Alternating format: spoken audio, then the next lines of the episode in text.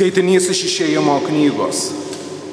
Moze lipo nuo Sinajaus kalno sandoros liudimo plokštėmis nešinas. Nuo kalno lipdamas jis nežinojo, kad švyti jo veido oda, kadangi jis buvo kalbėjęs su viešpačiu. Aronas ir visi izraelitai pamatė, kad švyti jo veido oda, bijojo prie jo beprieiti. Tik Moze juos pasišaukus, Aronas ir visi bendrijos vyresnieji priejo prie jo ir Moze su jais pakalbėjo. Paskui prisartino visi izraelitai ir jis jiems pranešė visą, ką viešpats Sinajaus kalne jam buvo pasakęs. Pabaigė su jais kalbėtis, Mozė šydu užsidengė veidą.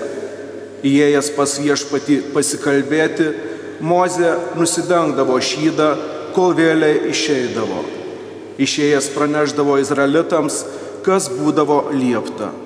Tada izraelitai matydavo švytinti Mozės veidą, bet Mozė paskui užsidengdavo veidą, kol vėl įeidavo kalbėtis su viešpačiu. Tai Dievo žodis.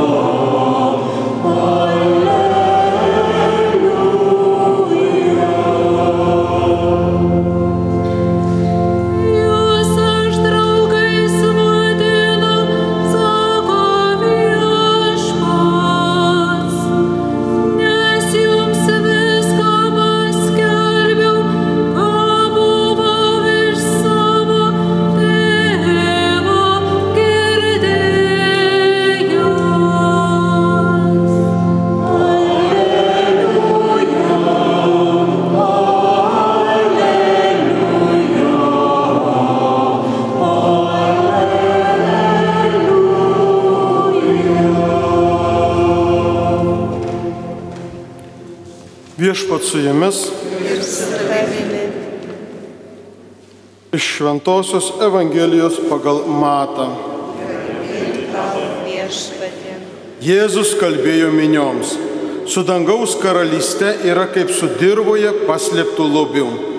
Atradęs jį, žmogus niekam nesako, iš to džiaugsmo eina, parduoda visą, ką turi ir perkasi tą dirbą.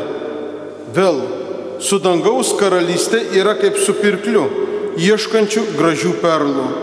Atradęs vieną brangų perlą, jis eina, parduoda visą, ką turi ir nusiperka jį. Tai viešpaties žodis. Šlovė tau, Kristau.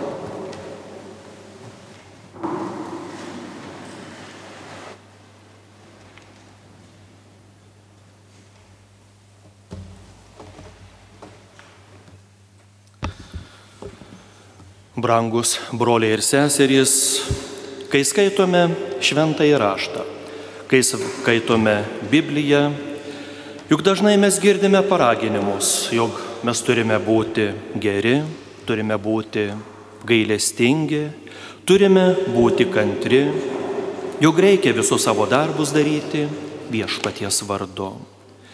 Tačiau turbūt neretai kyla klausimas, o kas man už tai, kad aš stengsiuosi vykdyti tuos viešpatie žodžius, kas man už tai atsilygins?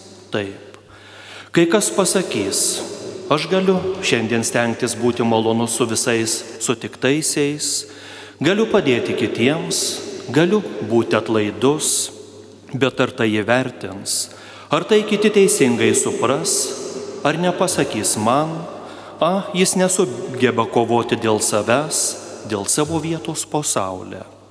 Ir tikrai, juk atrodo, neužtenka paprastų žodžių, kad už tai viešpats pasilygins mums amžinybę, žmogus atlygio juk dažniausiai laukia jau šiame pasaulyje, šioje žemėje.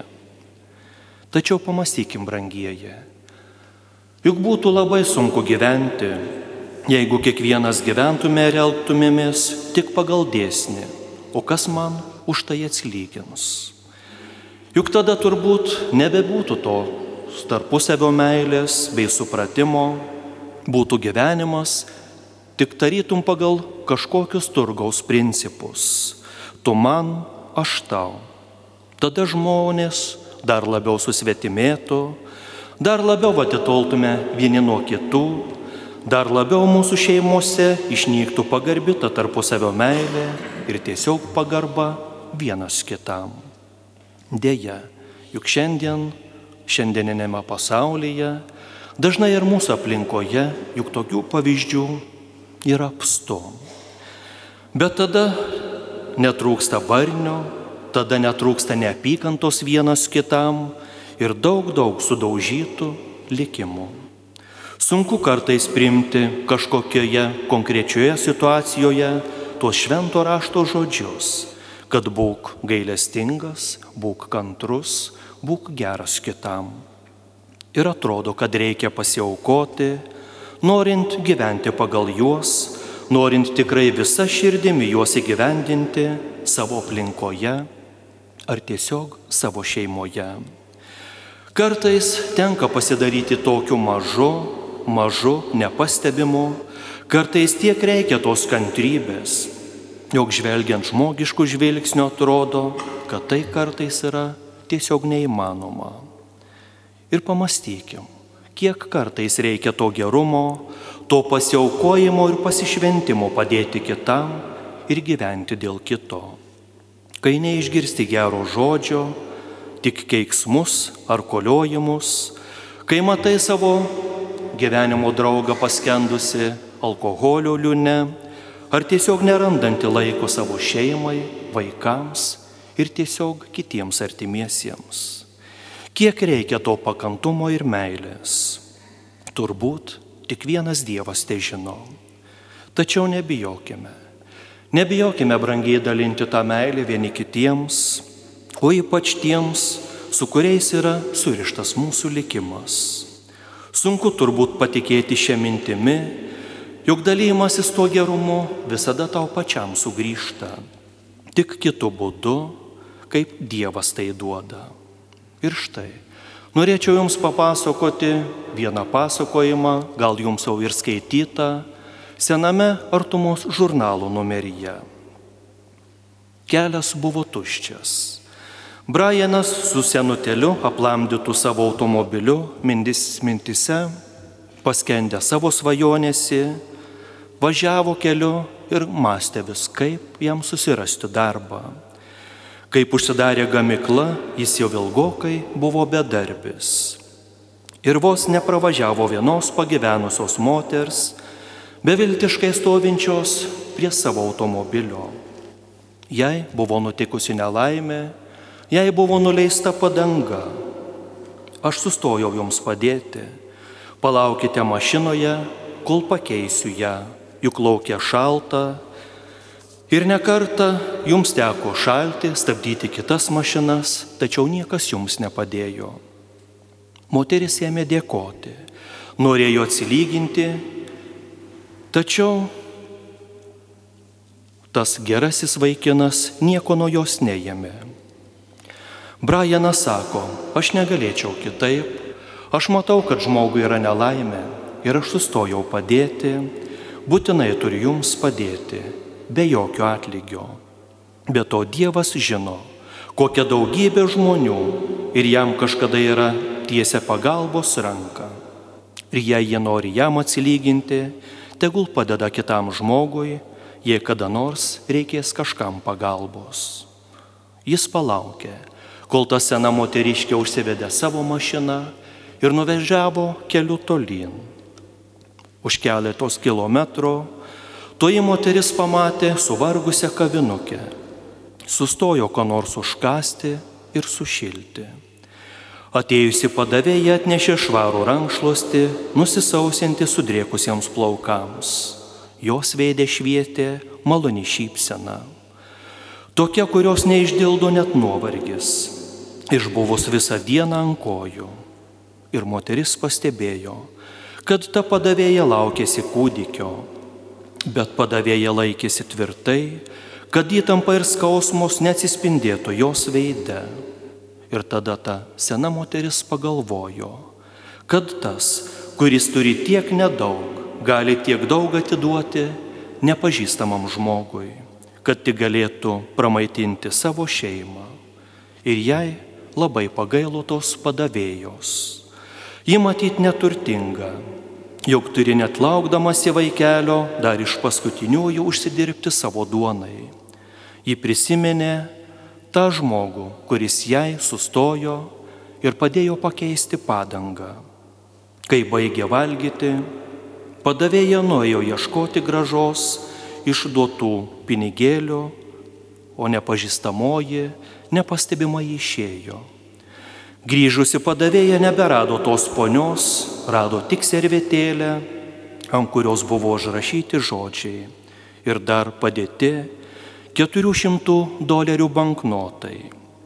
Jos akis pritvino ašarų, beskaitant ponios raštelį. O ten buvo žodžiai. Jūs man nieko neskolinga. Man pačiai reikėjo pagalbas ir kitas geras žmogus man padėjo su sąlyga, kad aš padėsiu kitam. Aš dabar jums noriu padėti. Ir jei kada nors norėsite gražinti šią skolą, tegul ši meilės grandinė nenutrūksta ties jumis.